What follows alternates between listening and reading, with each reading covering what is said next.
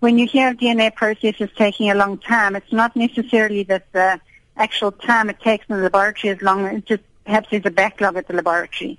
But in terms of if you get the sample in to be tested, you can get a result within 24 hours. Die dodetal na die ineenstorting van die gastehuis in Nigerië is nou reeds op 115.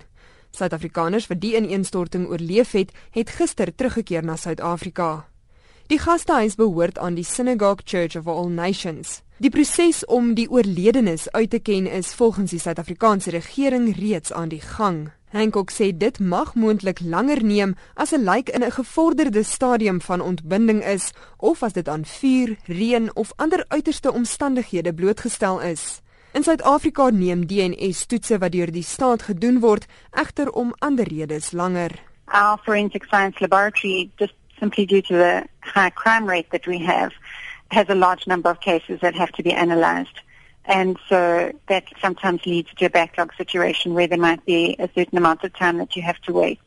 But certainly in cases like this, if we're wanting to identify these South African people that were perhaps killed in, in this disaster, those would, those cases would be prioritized at the laboratory and there's no reason why you shouldn't get an answer within a relatively short space of time. Sy sê daar is verskillende maniere om oorskot te identifiseer deur DNA-toetse. You either need to have some personal effect of that person. It could be hair from the hairbrush that they've used, toothbrush, even clothing or something. So ideally you want the DNA of the actual person and that would come from a personal effect which would have to, I guess, be brought forward by a family member or someone who knows that the person is missing. And then you can make a direct comparison between the DNA found on a body and their personal DNA, which you know was on that person, effect of theirs.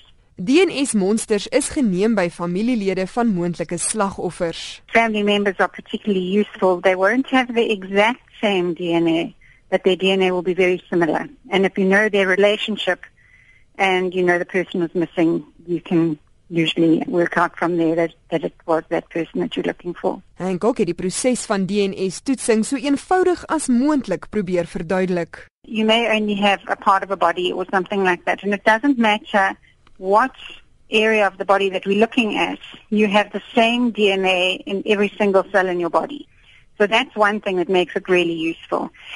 So once you've got some tissue or a blood sample or something from the body, we would take it to the lab and the first thing you do is extract the DNA out of that. Inside every cell is something called the nucleus and inside there is the DNA. Now we're not interested in anything else except the DNA, which is unique to a person. So no two people have the same DNA. So we'll extract the DNA out of it first and then we have certain mechanisms that we use to just make millions and millions of copies of certain areas on the DNA that we know differ a lot between people. Once we've got those areas, we are able to analyze them and get what we call a DNA profile out of that. And the DNA profile is simply, it comes out looking a bit like an ID number.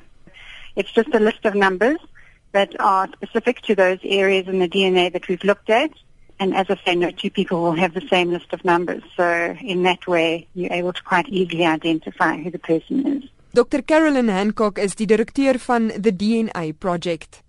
Ek is Henry Wondergem in Johannesburg.